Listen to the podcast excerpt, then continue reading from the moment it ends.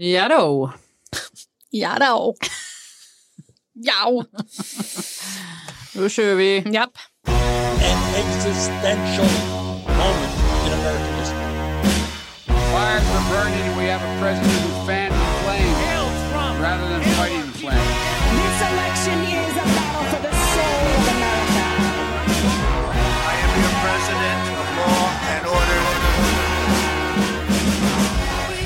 Hej och välkommen till Trumpageddon.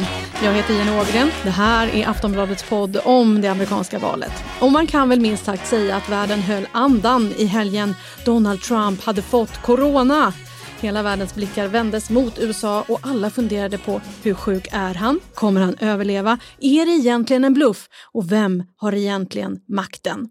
Vi såg en hysterisk bilfärd och män i vita rockar som höll presskonferenser och försökte övertyga omvärlden om hur bra presidenten svarade på alla behandlingar. uh.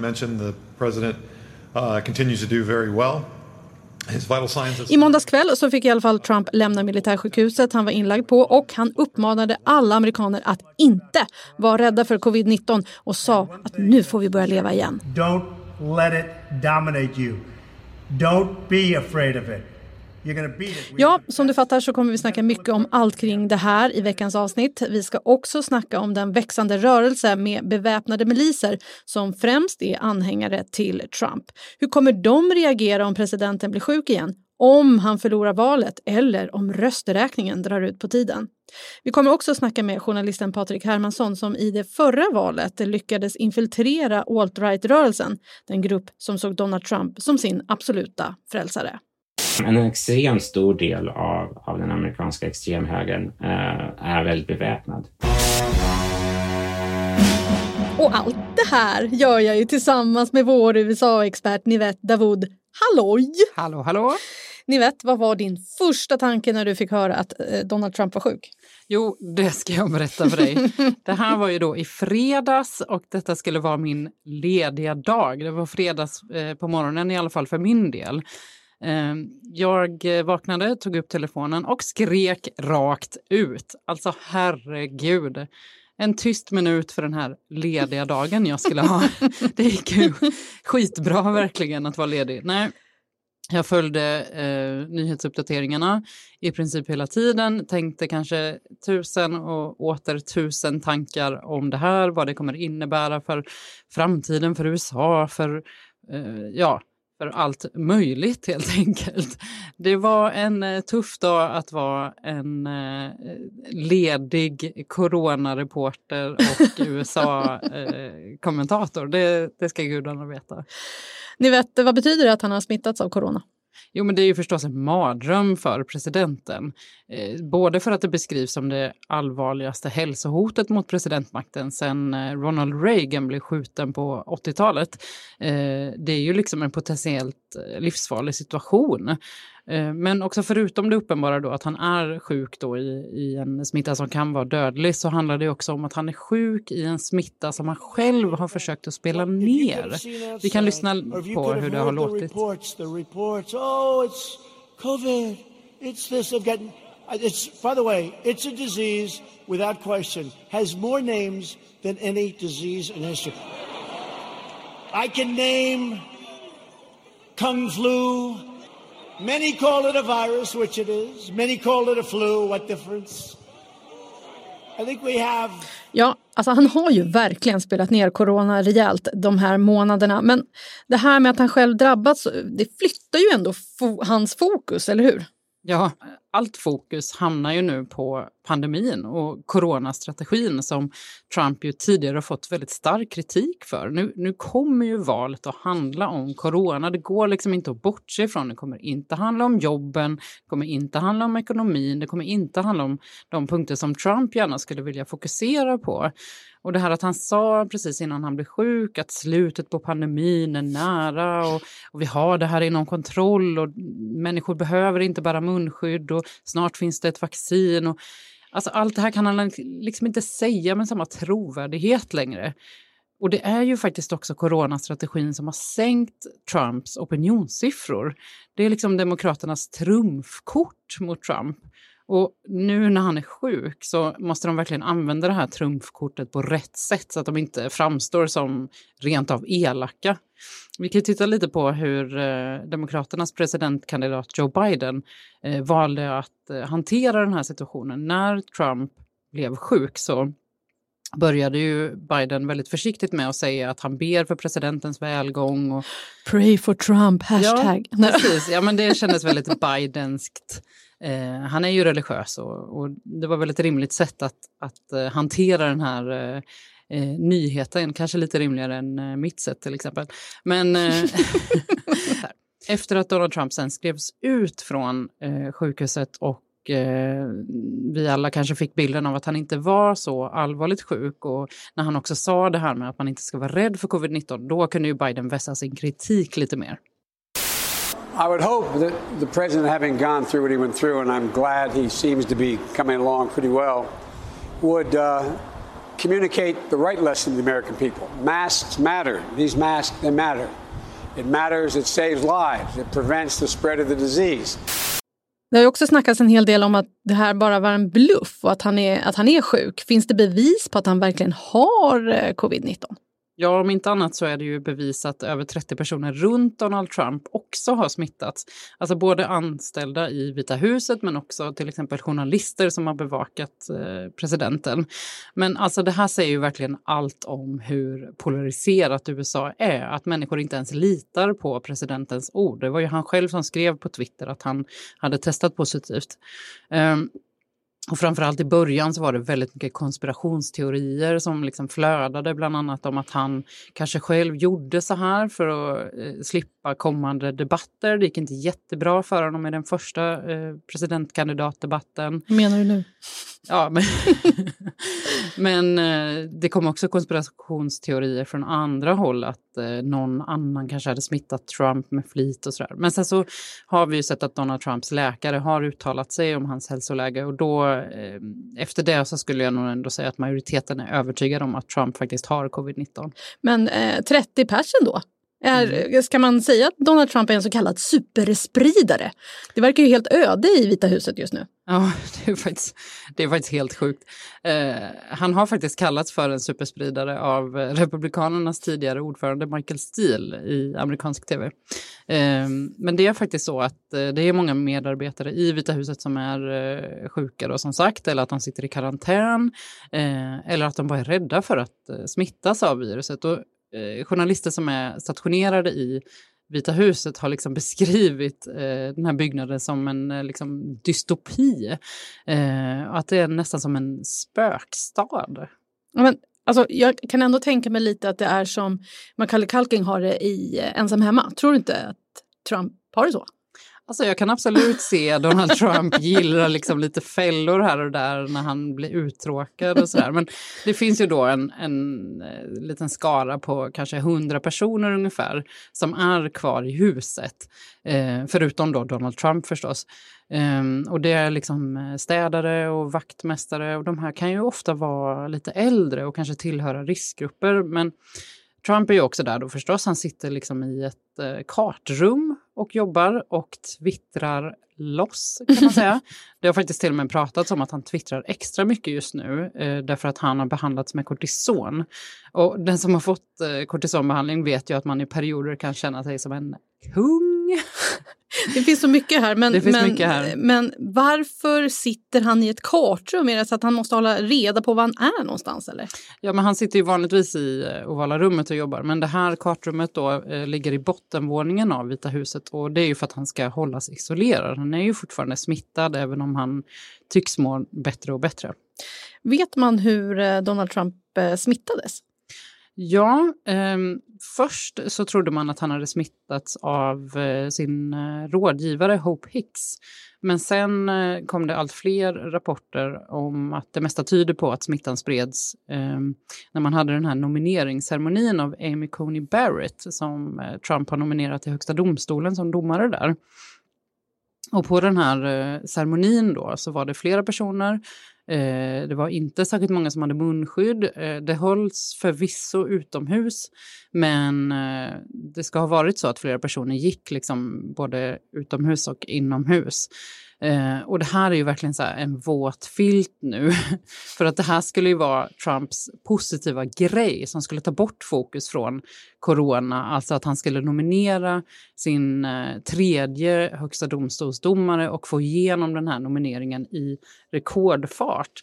Men eh, det var ju också flera viktiga personer som var med på den här nomineringsceremonin och de har också testat positivt för covid-19 så att då kan faktiskt till och med utfrågningen av Amy Coney Barrett i senaten vara hotad. Det, det blir intressant att se hur det går med det. Ja, det lär vi återkomma till. Men vad tror du att det här kan betyda att frågan om hälsa och sjukvård blir aktualiserad? Ja, den har ju blivit det. Kanske inte på det sättet som Trump hade önskat. Eh, därför att det kommer liksom kritik eh, nu, bland annat eh, mot det här att han sa att man inte ska vara rädd för covid-19. Eh, det är många som menar att det är klart att man inte behöver vara rädd för det om man har en egen helikopter som kör en till ett militärsjukhus och man får liksom ett helt läkarteam och man får eh, förebyggande vård eh, och sådär som Donald Trump har eh, fått.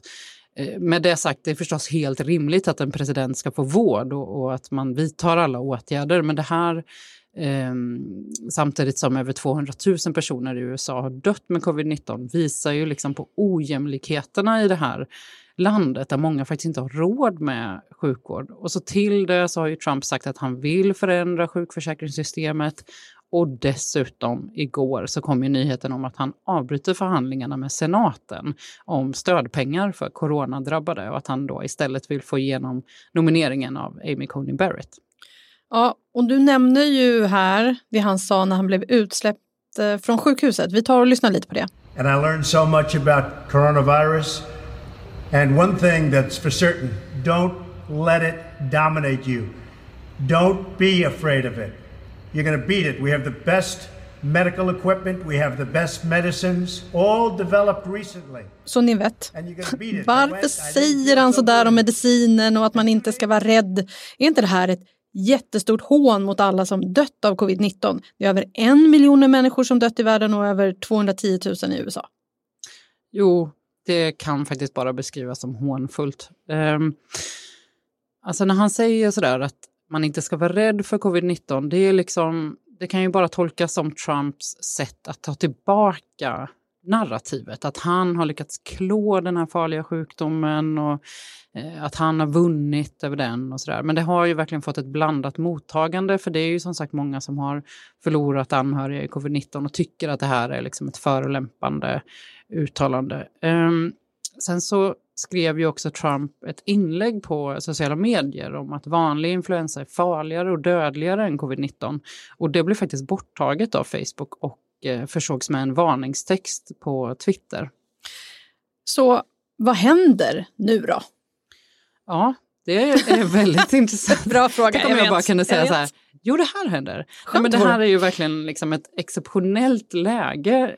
Um, och vi vet ju inte, vi har ju inte varit i det här läget förut. Men det kan leda till eh, ytterligare stöd för Trump, eh, särskilt med den här retoriken då att han förstår viruset eh, på ett annat sätt. Han har liksom inte bara läst om det och hört om det utan han har levt det.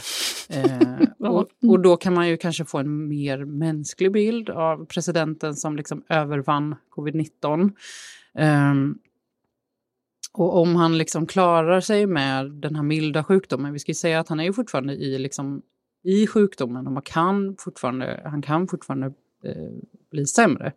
Eh, och då kan han ju verkligen, om man klarar detta så kan han ju ses som en vinnare som sagt. Och, eh, han fortsätter helt enkelt med den här retoriken att eh, risken med pandemin är överdriven och att, eh, ja, att, han kommer, att han är den som vinner över det här. Det kan stärka honom i opinionen, men det har hittills inte gjort det.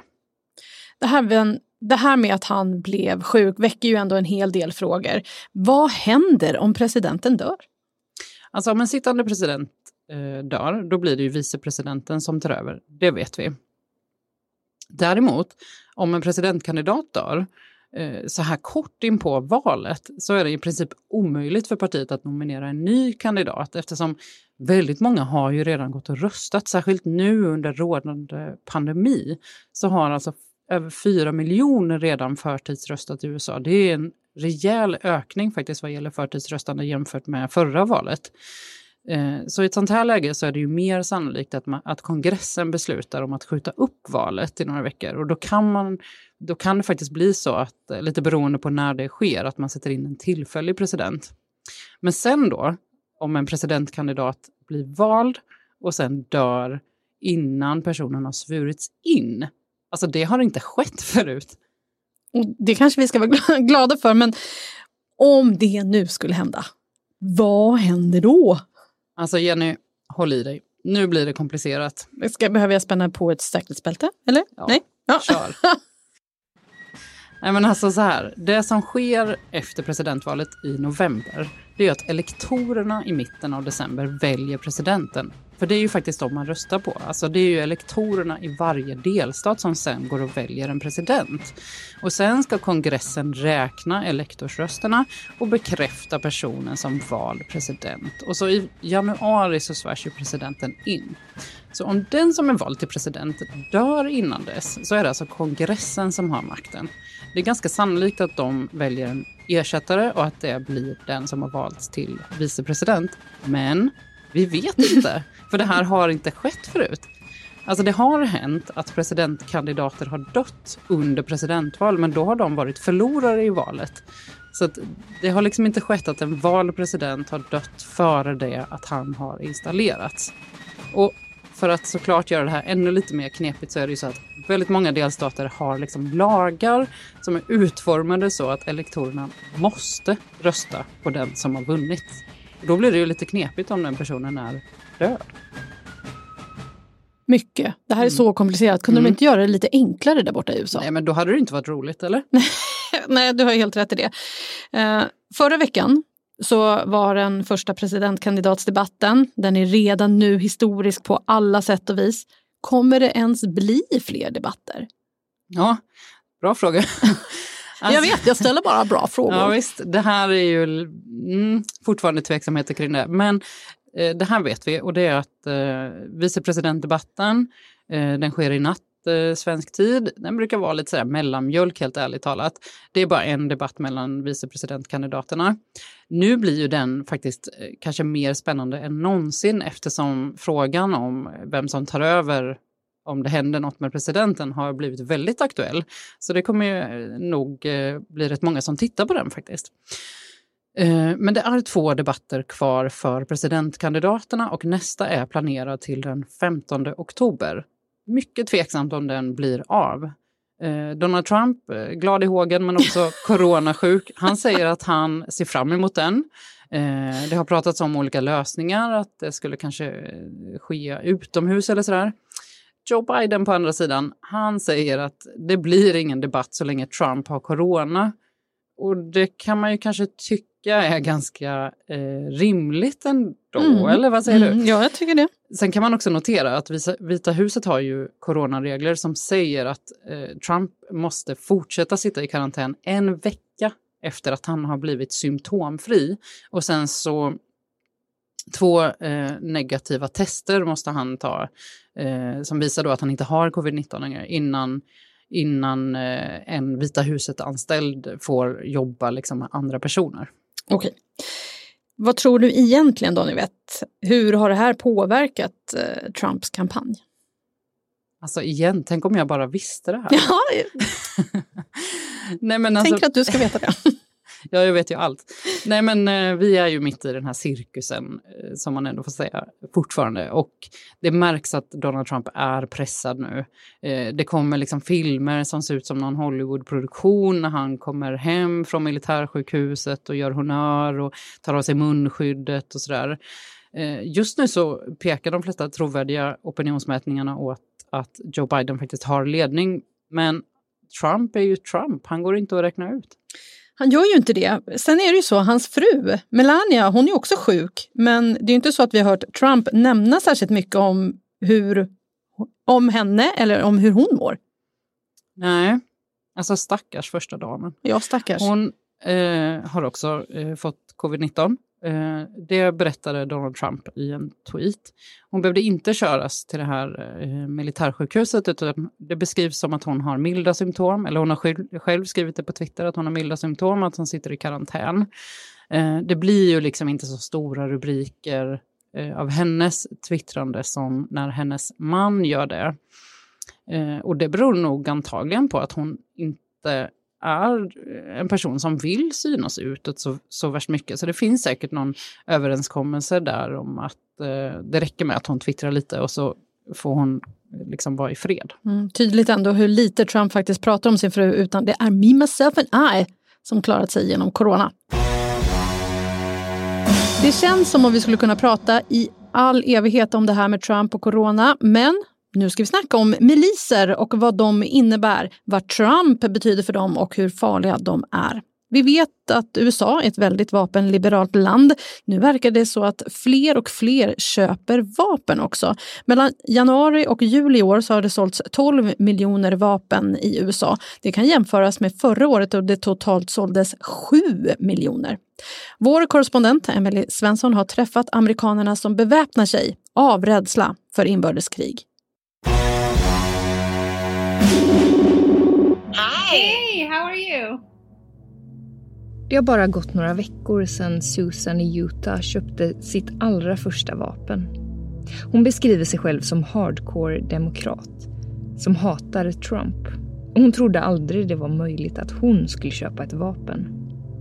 Men nu har hon ett. En Glock, 9 mm, som hon visar för mig i lådan med prislappen kvar. Och plötsligt har hon börjat gå på skjutlektioner. I can't even imagine using it to hurt another human being. But I feel like we're at a place where democracy is almost over here in the US. För hon är rädd. Hon läser dagligen om milisgrupper, Qanon, vitmaktgrupper som hämtat ur en nazihandbok, säger hon. Och Susan säger att hon måste vara beredd att skydda sin familj när skiten träffar fläkten. This is the first time I've felt fear and it's not from the general public. It's from people who literally are saying they want a war. Hon är övertygad om att det blir inbördeskrig efter valet. Vapenförsäljningen slår nya topprekord under pandemin och protesterna i kölvattnet av George Floyds död i USA. Bilderna från brinnande innerstäder och nationalgardet på gatorna har skrämt folk, säger butiksägaren som jag pratat med. Och de har slut i lagret på vanliga vapentyper och ammunition. Nya typer av kunder kommer till butiken. Även liberala kvinnor, berättar han. Trots att rätten att bära vapen traditionellt sett har varit viktigare bland högern. Jag har också pratat med Devin i New York som är Trump-anhängare. Även han har skaffat sitt första vapen i somras. Och nu har han fyra stycken. I know, well, there a lot of the, the, the initial start of it was early on when the, uh, the George Floyd the George Floyd riots started getting really bad across the country. Um, Men han är rädd för vänsterextremisterna, säger han. De som Trump pratar om hela tiden. Antifa. Det är deras fel att våldet ökat, säger han. Och han ser inga problem med att 12 miljoner nya vapen sålts under årets första sju månader. Yeah, yeah. I think that's I think that is awesome and I completely support that because I think it, I, I, I just Trots att Proud Boys hör Stand by and stand back från presidenten och trots att experter varnar för ett sent valresultat och att det kan bli våld på gatorna i det polariserade USA. Han är glad att fler värnar om rätten att bära vapen. Det främsta argumentet för många amerikaner är att vapnen ska användas som självförsvar. Det enda som stoppar en bad guy med en pistol är en good guy med en pistol, som vapenivrarna brukar säga. Problemet är vem som är bad guy ligger i betraktarens öga. Polariseringen och milisgrupperna kommer försvinna med Trump, tror liberaler. Vänsterradikalt våld kan slås ner med nationalgardet, tror trumpister. Men protesterna är en konsekvens av något större. Trump är ett symptom på något större. Väljarna kommer finnas kvar, vapnen kommer finnas kvar, miliserna kommer finnas kvar, oavsett valresultat. Jag tror inte på formellt inbördeskrig i USA. Men det är ett kulturkrigssår som kommer ta årtionden att läka.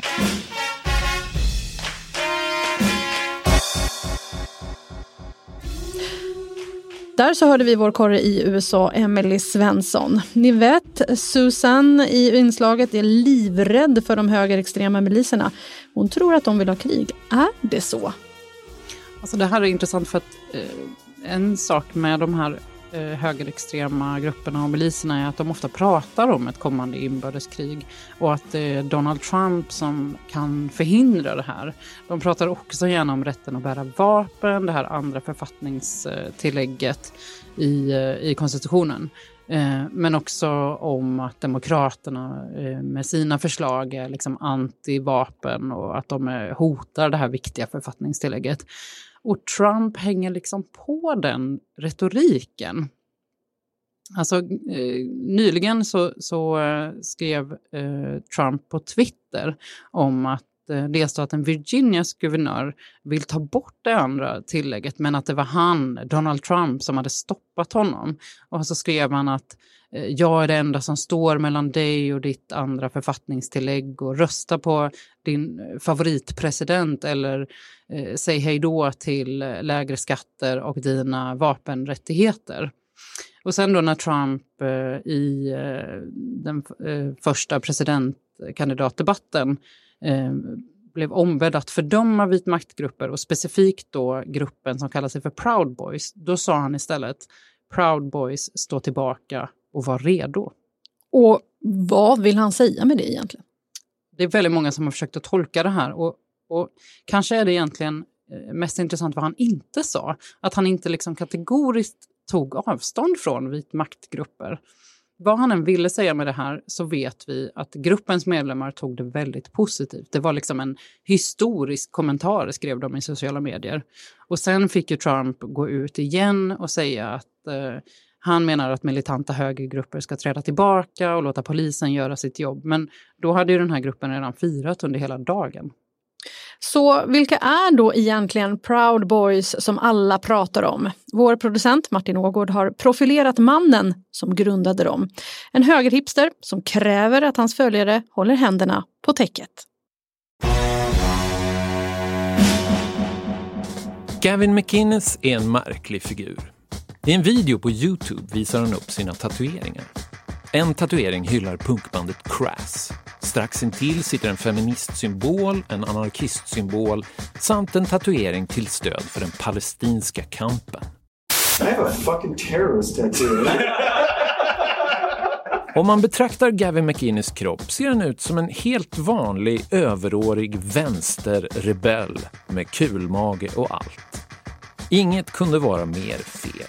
Denne före detta punkare från Toronto i Kanada är extremhögerrörelsen Proud Boys grundare och talesperson. First at six, crowds gathered in Kalamazoo today as the so called Proud Boys group made its way downtown. It is an organization labeled as a hate group by the Southern Poverty Law Center for its racist and white supremacist. Proud Boys är inte det första gäng han bildat enligt honom själv. McInnes påstår sig nämligen vara den som skapade hipstertrenden. Och han har nog inte helt fel. För 1994 så grundade han Vice Magazine. En tidning vars liberala blandning av sex, droger, ironi och skarp journalistik skulle bli husorgan för världens hipsters. Men för dryga tio år sedan hände något med Gavin. Långsamt började den gamle Palestinapunkaren att radikaliseras åt höger. Han försökte lansera sig som en ståuppkomiker med konservativa värderingar. Dels på Youtube, dels som kommentator på Fox News och den islamofoba sajten The Rebel Media. Women do earn less in America because they choose to. Under förra valrörelsen blev han ansiktet utåt för den unga alt-right-rörelsen. De var kaxiga, skickliga på att trolla internet och bedrev en yttrandefrihetskamp genom att få sina framträdanden inställda. Strax innan valdagen 2016 lanserade Gavin en egen organisation. Det ironiska namnet tog han från en sång ur musikalen Aladdin.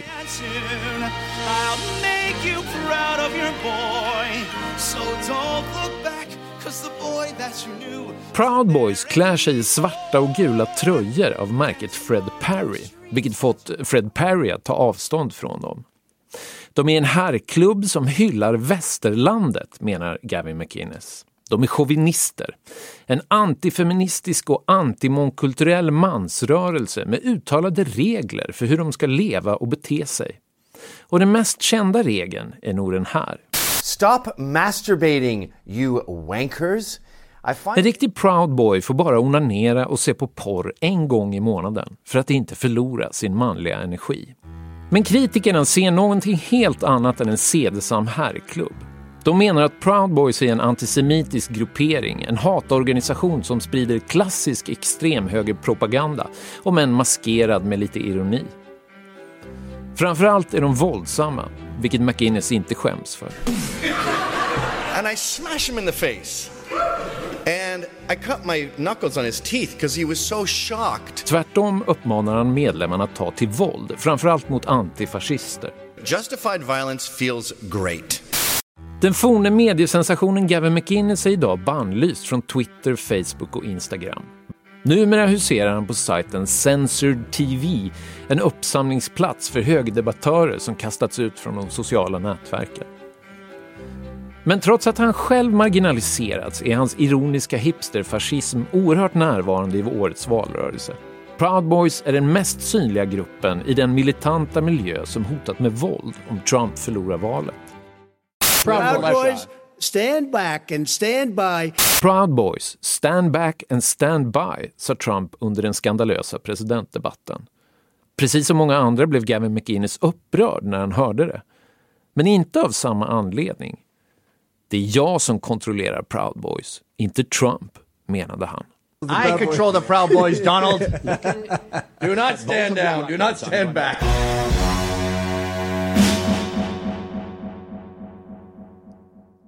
McInnes vill alltså behålla makten själv över sin militanta herrklubb. Eh, men de eh, lystrar till Donald Trump ändå, ni vet. Mm. Det är lite svårt att veta vad de menar. Det är mycket lager av ironi, eh, både från McInnes och från eh, Trump i hans uttalanden. Men det är ju intressant att fundera över det här uttalandet apropå just att Trump har sagt flera gånger att han kanske inte kommer att acceptera en eventuell valförlust. Är det liksom något sånt då som gruppen ska stå tillbaka och vara redo för? Vi har ju såklart en gäst som vet mer om det här. Efter förra presidentvalet i USA så lyckades den svenska journalisten Patrik Hermansson infiltrera den internationella alt-right-rörelsen. Under tecknamnet Erik Hellberg så tog han sig ända in i kärnan på den extremhögergrupp som såg Donald Trump som sin frälsare och som enligt många spelade en viktig roll för valets utgång. En rörelse där flera svenskar också var tongivande. Patrik han har skrivit om det här i boken med några andra, The International Alt-Right, Fascism for the 21st Century och även syns i den här dokumentären som heter Spion i extremhögern. Idag så jobbar Patrik på organisationen Hope Not Hate i London, en sorts brittisk motsvarighet till Expo där han fortsätter granska högerextremism. Hej och välkommen Patrik! Hej! Hur mår du idag? Det är bra. Patrik, du har ju levt med de här människorna Runt eh, förra valet så infiltrerade du den så kallade alt-right-rörelsen. Hur tänkte du då? Um, men det vi kände då var ju att det, det var en, en, en väldigt snabbt växande rörelse som fick snabbare och um, som, som, som, snabbt fick nya medlemmar och uh, fick mer och mer självförtroende på något sätt. Uh, de gjorde större och större grejer um, och eh, fick med sig mer och mer människor. Så det var lite en känsla av att, att mm, en akut situation. Um, och för att verkligen förstå hur saker fungerar eh, i sådana här grupper, varför folk går med, hur de organiserar, vad de planerar, um, då måste man nästan vara på insidan. Hur var det då? Um, det var kombination av extremt stress eh, av att bli påkommen såklart. eh, med en del rädsla för de här grupperna eh, och de våldsamma delarna av dem, speciellt i USA. Eh, som vi pratar om sen tror jag. Ehm, mm, men också ehm, ganska fascinerande att prata med människor som har dedikerat hela sitt liv till helt galna saker. Men du, hur var det sen när du avslöjade vem du egentligen var? Um, alltså det gjorde jag ju liksom uh, från utsidan. Jag sa det ju aldrig till dem rakt upp och ner utan det blev en stor artikel i New York Times och DN och så vidare. Um, och poängen var ju liksom att chocka dem. Um, vi ville ju inte låta dem fundera ut hur de ska svara um, och reda ut interna problem. Vi vill ju, uh, eller vi ville uh, göra dem chockade. Um, och, och det är klart att det blev de och det var mycket, det var mycket arga människor ett tag. Var du rädd då? Uh, det är klart att det var, det var, det var lite högre säkerhet ett tag, eh, speciellt i publika sammanhang om jag pratade eller sådär. Förra veckan så var det ju eh, den första presidentdebatten eh, och Trump eh, sa ju bland annat i debatten stand down och stand by. Hur tror du att de här alt-right och milisrörelserna tänkte när han sa så? Ehm, det man måste förstå med milisrörelser är att de i grund och botten ehm, både saknar ehm, tilltro till statsmakten. Inte ett specifikt parti eller en specifik president utan generellt sett de saknar um, tilltro. De är väldigt misstänksamma mot, mot statsmakten. Samtidigt så eh, är en, en viktig del i, i speciellt amerikanska, det är att, att eh, hela tiden eh, förvänta sig att någon kommer eh, försöka ta över makten i landet. Något, något odemokratiskt, något eh, utländskt element, eh, någon liten eh, Eh, grupp konspirerar för att ta makten. Och därför måste de alltid eh, hålla utkik lite. De väntar allt, de förväntar sig att när som helst ska någon komma och, och, och ta deras vapen och ta deras rättigheter. Så att man, man, man beskriver sig lite som beskyddare av konstitutionen och sånt här. Och, och, och Uh, och det, det, har man i deras namn till exempel, Oath Keepers och, och sånt här. Då menar man att man, man har ett löfte att, att, att försvara. Um, så när han säger något sånt, um, då, då tickar det igång saker i huvudet som säger liksom att, att um, efter valet, innan valet, runt valet så kommer uh, ni behövas. Snart kommer ni behövas. Det är det de vill höra hela tiden.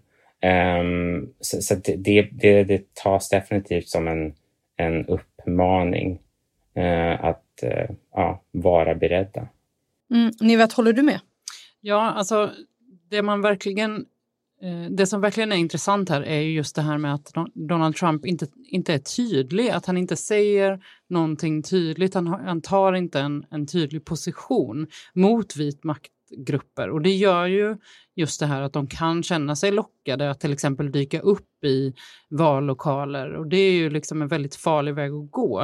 Eh, Trump uppmanade ju också under debatten att eh, människor generellt skulle liksom hålla koll att allting går rätt till. Och han pratar ju ofta om att eh, eh, det finns mycket som kan gå fel under valet och de här grupperna ser ju sig ofta som liksom säkerhetsvakter vid eh, Trumps valkampanjer till exempel och det kan ju absolut eh, eskalera. Liksom. Sen så tycker jag också att det är intressant att de ofta delar lite samma retorik, eh, vitmaktgrupperna eller de högerextrema grupperna och Donald Trump faktiskt. Eh, och att de ser liksom Trump som en allierad i Vita huset har de också sagt några gånger. Eh, Och de använder samma ord till exempel för eh, Black Lives Matter-rörelsen. De kallar dem för marxister och de, eh, precis som Trump anser att vänsterextrema och Antifa är det största hotet och, och pratar liksom om att det är de här just konfrontationerna mellan grupperna som kan leda till raskrig som man pratar om. Och Patrik, eh, är det skillnad på de grupper som du infiltrerade och den så kallade milisrörelsen? Ja, men det är det. Ehm, även om det finns mycket överlapp såklart också. Ehm, jag var på demonstrationer så där det var um, milisgrupper som, som var där, absolut. Eh, och det finns ju både stora organiserade eh, grupper och, och, mycket mindre små paramilitära mm, grupper som egentligen bara organiseras av ett kompisgäng. Liksom. Ehm, men, men skillnaden är verkligen den här ehm, ingrodda misstro mot stat, staten och statsmakten eh, kombinerat med eh, liksom fokus på eh, att, att, att vara en armé. Man organiserar sig som en armé. Um, grupperna jag var i, de organiserar sig på alla, alla möjliga olika sätt. Um, det är ju mer som vilken aktivistgrupp som helst egentligen, uh, i, i liksom hur de är organiserade. Så det är lite skillnad eh, och skillnaden ligger väl där i, liksom, i hur viktig, viktiga vapnen är, hur man ser det som en armé jämfört med en generell aktivistgrupp. Eh, men det betyder inte att gruppen jag var i inte var beväpnade, för det var de också. Men samarbetar de här olika beväpnade grupperna då? Absolut, alltså det, man spelar olika roll vid demonstrationer och sådär. Um, de, eh, som, som du beskrev tidigare, så, så fungerar de lite som säkerhets, eh, ja, men säkerhetsteamet på, på demonstrationer och, och konferenser och, och sådana här saker. Eh, så det finns ju väldigt mycket kontakt. Liksom. Så hur kan man säga hur välorganiserade de är? är alltså, man tänker ibland att det är bara ett gäng snubbar med kamouflagebrallor och varsitt gevär, eller är det mer avancerat än så? Eh, det är mer avancerat än så. Det finns definitivt en. Eh, det är egentligen som, som, du skriver nu, det kan vara ett kompisgäng. Liksom. Men det finns mycket större som är legala organisationer med en styrelse och medlemskap och, och tusentals medlemmar och medlemslistor och, så vidare. En viktig sån är Oath Keepers till exempel, som är en av de större och det det har liksom en styrelse och så vidare, så det är väldigt välorganiserat. Hur många grupper är det? Och det kan jag inte säga rätt upp och ner. Ehm, det, det finns nästan grupper i varje stat, eh, om inte varje stat. Ofta uppskattar man det till um, ungefär 50 000 eh, medlemmar totalt. Um, men sen har de här organisationerna fler medlemmar som kanske inte ser sig själva som liksom, eh, soldater själva. Men vilka skulle du säga är mest farliga eller mest tongivande? Men de mest tongivande just nu är väl uh, den här jag just nämnde Oath Keepers och sen finns en annan som heter Three Percenters. Um, båda de är uh, extremt konspirationsteoretiska, uh, väldigt för Trump och relativt högerextrema. Skulle du säga eh, att väljarna påverkas av de här grupperna? Alltså, eh, som, som jag nämnde tidigare, de kommer, eh, och det, det här hände förra valet också, alltså de, de utser sig själva som eh, någon form av valobservatörer, men utan att göra det på ett korrekt sätt. Så de kommer till vallokaler och står där med massa vapen. Eh, det är klart att det intrycket eh, gör någonting. Eh, det är klart att eh, att, att eftersom det är en så himla tydlig eh, Ehm, demonstration av eh, våldskapital, liksom. Eh, att stå med helt militär mundering på demonstrationer och så vidare, så klart att det, det syns och, och, och eh, påverkar folk på något sätt. Eh, ni vet, det finns ju dock inte bara vita milisgrupper. Det finns eh, andra också. En av dem är NFAC, Not Fucking Around Coalition. Vilka är det? Alltså om vi bara kan ägna en sekund åt det här namnet. Det, det kan vi göra, absolut. Väldigt intressant, men det får man ju också säga att det är ju flera eh, grupper som verkligen har kämpat med sina namn, eh, som vi sa då, de här Proud Boys till exempel. Eh, men eh, det här namnet i alla fall är taget från eh, en Ben Affleck-film, The Town. This is the not fucking around crew. Och det här är alltså en beväpnad eh, svart milisgrupp som de kallar sig själva. De vill absolut inte kopplas ihop med Black Lives Matter-rörelsen, eh, för det tycker de är en misslyckad rörelse som har kapats av andra än svarta amerikaner, som till exempel hbtq-rörelsen. Eh, och de här medlemmarna beskrivs eh, oftast som eh, ex-militärer. Sen så vet vi inte så mycket om eh, hur många de är, om de har liksom ett huvudkontor eller hur de får in sina pengar, men de syns mest på Instagram. Och så har de en eh, ledare som eh, heter John J. Fitzgerald Johnson, eller Grandmaster J som han kallas. Eh, han är ju väldigt tydlig, han är den som syns mest. Eh, han tycker till exempel att USA eh, borde lämna över eh, exempelvis delstaten Texas till afroamerikaner så att de kan bilda ett självständigt land där eller att afroamerikaner eh, ska lämna USA och forma en självständig nation någon annanstans. De eh, har ju sett mycket protestera mot statyer som representerar USAs rasistiska historia och förtrycket mot afroamerikaner. Ehm, det, vi vet lite om Grandmaster Jay och det är att han är, tidigare varit DJ och att han då också är, har tidigare eh, varit militär. Han ställde också upp i valet 2016 som självständig kandidat. Man får i alla fall inte blanda ihop honom med Grandmaster Flash. Absolut inte. Nej, så man bara håller isär, isär dem. Mycket viktigt. Mycket viktigt. Patrik, känner du till NA, N, NFAC? Inte, inte i någon djupare detalj än, än det jag har hört ungefär som, som, som berättar nu.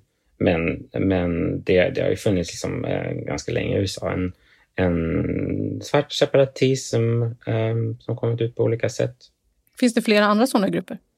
Eh, alltså historiskt sett så, så har det funnits här nya, nya Black Panther Party och sånt eh, som, som eh, liknande. Och Nation of Islam är en, annan. Um, som har lite, lite liknande uh, idé, men det är inte en uh, milisgrupp. Om det skulle bli så att eh, Donald Trump förlorar i presidentvalet, hur tror du att de här vitmaktgrupperna och miliserna kommer att reagera? Det är klart att det finns en massa olika alternativ. Um, och det spelar ju roll hur, hur mycket han förlorar um, och sådär. Men, men det är klart att det är inte svårt att se att många av de här grupperna, många av hans supportrar som under de senaste åren blivit mer och mer konspirationsteoretiska, eh, inte godtar resultatet, absolut. Och det var ju så här att Donald Trump fick corona i helgen. Hur eh, reagerade du när du fick höra att han hade corona? Det är klart att, att det inte såg bra ut för honom. Men det man måste liksom förstå, tror jag också, när det kommer till Trump och sådana här mot, motsägelser eh, och, och sånt som, som många kan tycka kännas som det här ser pinsamt ut. Han sa att corona inte var viktigt eh, och så fick han det själv. Jag måste förstå är liksom att, att de framförallt den kristna högern i USA eh, ser honom som eh, Guds sändebud. Eh, samtidigt som den konspirationsteoretiska grupper eh, och högern som, som blir större och större ser honom som ja, men ett liknande, eh, inte kanske på ett religiöst sätt på samma sätt, men som en, en kämpe för folket som står utanför reglerna och, och man accepterar att man inte riktigt förstår allting. Eh, att, att bakom kulissen så händer det andra saker och det här är bara en del av hans plan. Så att det påverkar nog inte de delarna så himla mycket. Hur eh, reagerar den beväpnade extremhögern på Trumps coronabesked? Eh, det är klart att det, det börjar direkt spridas konspirationsteorier om att någon har ja, men, gett honom det med mening eller förgiftat honom på ett annat sätt eller så. Tror du att vi kommer få se miliser i Sverige också? Alltså det, miliser är, problemet är ju eh, såklart um, tillgången till, till vapen och konstitutionen som sett, eller, det här. Uh, att, att du helt enkelt får ha vapen och du får ha um, militära vapen um, automatiska vapen och så vidare i USA. Um, det ändrar ju lite um, spelrummet. Hur lever du idag? Är du orolig för säkerheten? nej, jag är inte så orolig idag. jag jobbar för en organisation som har ganska mycket erfarenhet av det här. Jag har många kollegor som har olika typer av hot. Det är inte något som begränsar mitt liv så mycket. Skulle du kunna tänka dig att infiltrera en sån här typ av grupp igen? Den här typen av grupp eh, skulle jag nog eh, undvika. Eh, nu, nu är mitt ansikte ute så, att, så att det går inte riktigt att göra igen. Patrik, finns det någonting mer som du tycker att vi ska ha med nu som vi inte har fått med? Som du funderade på? Men en, en, det enda jag kan tänka på är det här att det finns mycket milisgrupper men vid sidan av dem så finns det väldigt mycket beväpnade grupper av andra slag som, som går till skjutbanan, som tränar med vapen, men, men vapen inte deras huvudgrej. De, de ses inte som eh, militärer. Men extrem, en extremt stor del av, av den amerikanska extremhögern eh, är väldigt beväpnad. Um, så att man ska inte bara hänga upp sig på storleken och hur många milisgrupper som finns. Um, för det är en ganska specifik sätt att organisera sig på. De är ju såklart extremt beväpnade och just den här känslan av att de, de har rätt att eh, ingripa är ju såklart eh, ändrar ju saker. Men, men mycket högerextrema i USA är beväpnade. Um, och, och det ska man ta uh, ganska seriöst liksom, i, i deras möjligheter att uh, begå våldsbrott. Och uh, vad de kan göra i, um, om Trump inte vinner eller om han vinner.